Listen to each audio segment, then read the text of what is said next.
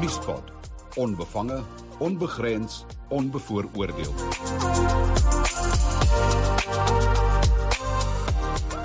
Goeiedag, baie welkom by Nuuspot. Ek het by my Dr Leon Schreiber van die DA en uh, Leon. Ehm um, ons het eh, 'n uh, gesprek oor partytjies. Ehm um, Ja, mens moet nou seker ernstig wees as mens politiek en die dinge gesels. Ehm uh, en 'n ou praat van groot bedrae hier 1,4 miljard rand aan spyseniering, verblyf en vermaak.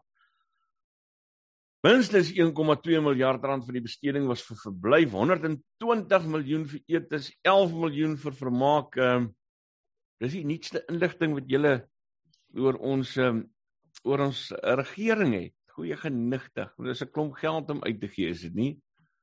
Dit is Isak en uh so waarna jy daar verwys is nou die 1.4 miljard rand wat spandeer is aan daai drie kategorieë deur die nasionale regeringsdepartemente, so ministers, adjunkministers en departemente. En en dis 18, dis maar net 18 van die 28 uh departemente waar ons reeds antwoorde van gekry het. So die die die, uiteindelike bedrag gaan gaan nog meer wees as dit.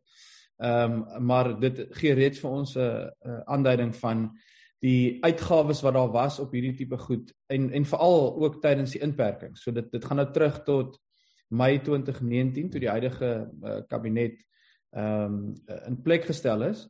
Maar 'n uh, 2 jaar van daai 3 jaar was onder inperking geweest. So jy, jy kan sien uit die ehm um, antwoorde wat ons gekry het, hierdie was parlementêre vrae wat ons gestel het aan aan al die ministers dat uh, baie van hierdie departemente en daar's daar's omtrent 6 of 7 wat regtig uh aanhou partytjie hou dit asof uh, asof daar nou nie 'n pandemie is of 'n inperking is om van te praat nê.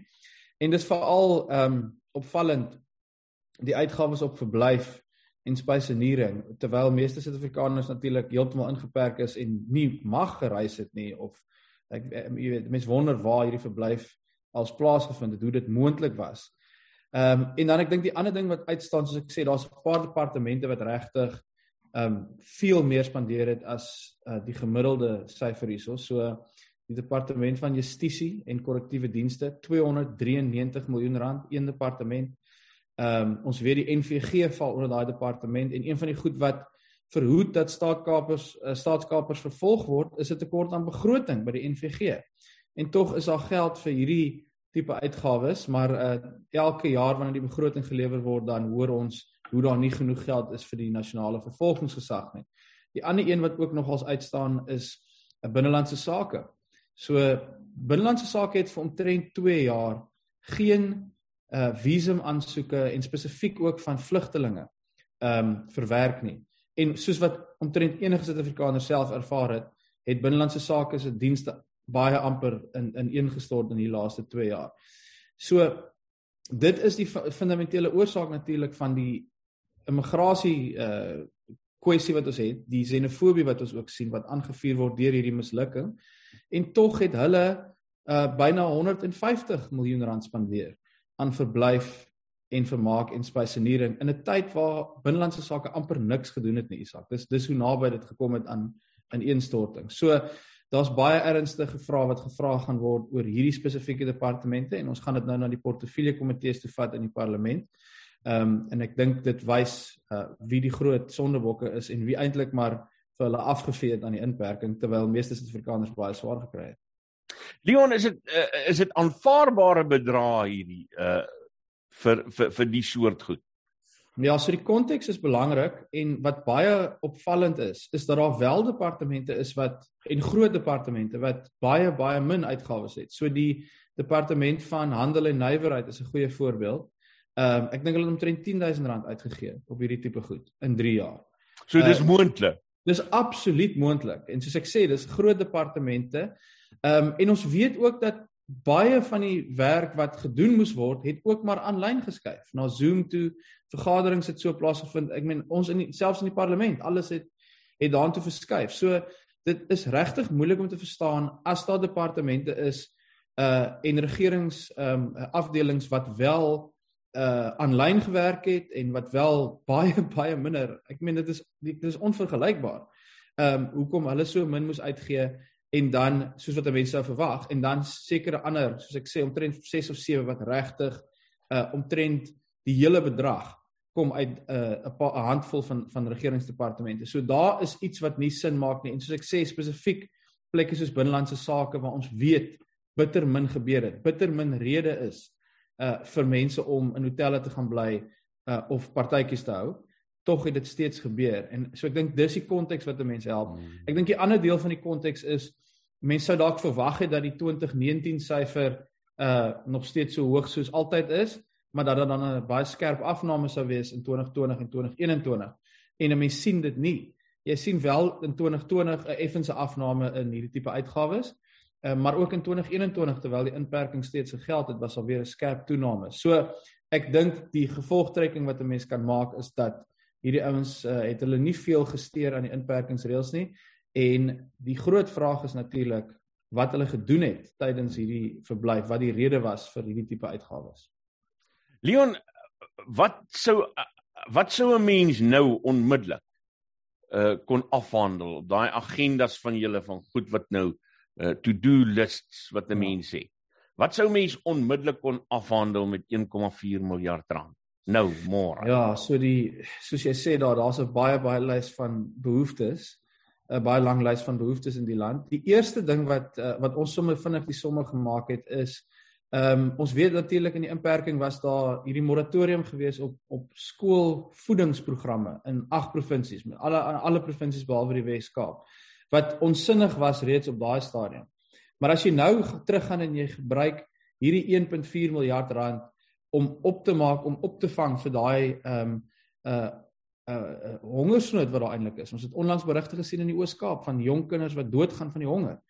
Ehm um, 1.4 miljard rand kan 250 000 behoeftige kinders vir hulle hele 12 jaar lange skoolloopbaan elke dag kos gee. Vir 12 en, jaar lank. Die hele 12 jaar lank. Dit is wat jy kon gedoen het met hierdie geld. Die ander ding wat jy kan doen natuurlik is ek sien die premier van KwaZulu-Natal, uh, Zihle Zikalala, sê hulle het omtrent 1.9 miljard rand nodig om nou uh mense te ondersteun na die onlangse vloede. So dis nie net dat die 1.4 miljard rand natuurlik 'n groot deel van dit sou kon dek nie. Dis ook die volgende vraag. Selfs al kry hulle daai 1.9 miljard rand iewers in die begroting, natuurlik gaan hulle nou op ander plekke moet sny om dit om dit te kry. Ons sal nou ehm um, môre uitvind in die parlement wat die plan is. Maar selfs al kry dit, hoeveel van die mense op die grond in KwaZulu-Natal wat die hulp nodig het, gaan dit ontvang? En dan vergelyk jy dit natuurlik met hoe maklik amptenare hierdie tipe uitgawes kon aangaan vir verblyf en spysenering en vermaak. En ons weet mos nou, baie min mense wat dit regtig nodig het, gaan gaan daai tipe hulp ontvang op die grond, want daar is mense tussengangers wat net soos met die ehm um, COVID korrupsie waarskynlik maar presies dieselfde gaan doen. En in teenstelling wanneer dit wanneer daar gevra word vir geld vir hotelverblyf en sulke tipe uitgawes, dan kom die geld op 'n manier uit by die mense wat dit wil hê. So daai's twee vinnige voorbeelde wat ek jou kan gee, maar soos ek sê, dit is 'n elle lange lys van behoeftes. Ek dink tog die een oor skoolvoeding veral in die huidige konteks met regtig waar 'n uh, enorme armoede en ons uh jy weet ook wat veroorsaak is deur die inperking hmm. kon 'n bitter groot verskil gemaak het en dis jammer dat daai geld nou daarmee heen is. Leon, kom ons maak jou goue minister. Ehm uh, en en ons stuur jou nou eers heen vir 'n paar dae. Uh, kom ons stuur jou Londen toe om met uh, met Boris Johnson te gaan praat oor oor Oekraïne. Uh wat sou billik wees om te verwag jy wat, wat sou jy gedoen het? Wat sou jy ja. hoe sou watter verblyf sou jy geneem het? Uh watter soort kos sou jy geëet het? Hoe sou jou program gelyk het? Isak, die eerste vraag daar is hoekom jy my Londen toe wil stuur en of daar nie 'n ander manier is om te doen wat jy daar wil hê ek daar gedoen moet kry nie. So eerstens die die gegeewe die die uh ekonomiese impak op ons begroting die afgelope paar jaar, moet die eerste vraag in alle regeringsdepartemente wees, kan ons nie hierdie ding virtueel doen nie. Dit behoort tog die enigste vraag, die eerste vraag te wees. En ek dink dit is die tipe aanpassing wat reeds gemaak is in die private sektor. Ek dink mense het reeds beweeg na hierdie uh, nuwe era van baie goed aanlyn doen. Selfs die manier hoe ek nou met jou praat, sou nie so maklik gewees het 'n paar jaar terug nie. So die prioritisering van die reis Londen toe of waartoe dit ook al moet wees, is waar die eerste vraag gevra behoort te word. En soos ek sê, dis vir my duidelik dat daar wel regeringsdepartemente is wat dit gedoen het en gesê het luister, ons kan tog sekerlik van hierdie werk ehm um, doen sonder om om hierdie enorme uitgawes te hê. Ehm um, ons sien dit ook by die parlemente loops dat daar was altyd hierdie altyd wanneer daar 'n uh, fisiese vergadering plaasvind, is daar hierdie massiewe groep amptenare wat afvlieg van Johannesburg af of van waar ook al om die vergadering by te woon.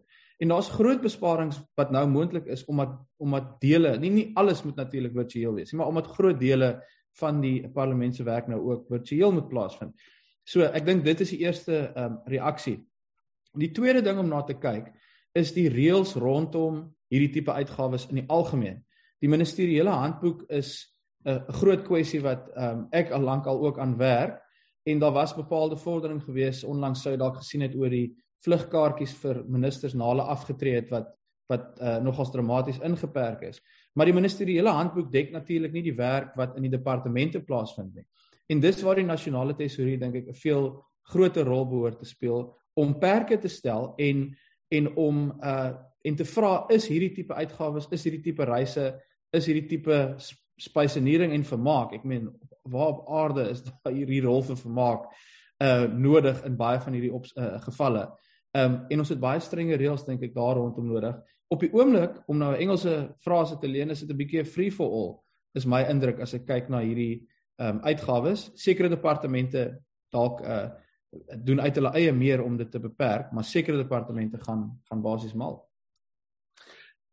as 'n mens kyk na die bestaande reëls en regulasies rondom hierdie soort uitgawes is is is is dit wat ons hiervan praat buite die norm ehm um, is dit wettige uitgawes? Ja, so dis soos ek sê, dis ek dink dis waar die groot vraag nou inkom. My indruk, ek kan natuurlik nou nie sê elke liewe sent wat hier spandeer is is wettig spandeer ek. Ek sal ook nie dit sê nie. Maar die raamwerk op die oomblik ehm um, laat ongelooflik baie diskresie toe vir departemente om hierdie tipe besluite te neem. En dis hoekom jy ook hierdie groot verskille tussen departemente sien.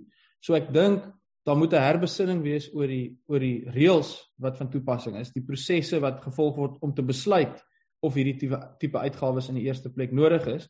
Want soos ek sê, daar is op die oomblik nie werklik veel beperking nie. 'n Departement kry sy begroting elke jaar by die tesourie. Sekere dele van dit uh is is vaste toewysings aan sekere aktiwiteite, maar ministers en departemente het steeds groot diskresie wanneer dit kom by sekere van hierdie uitgawes.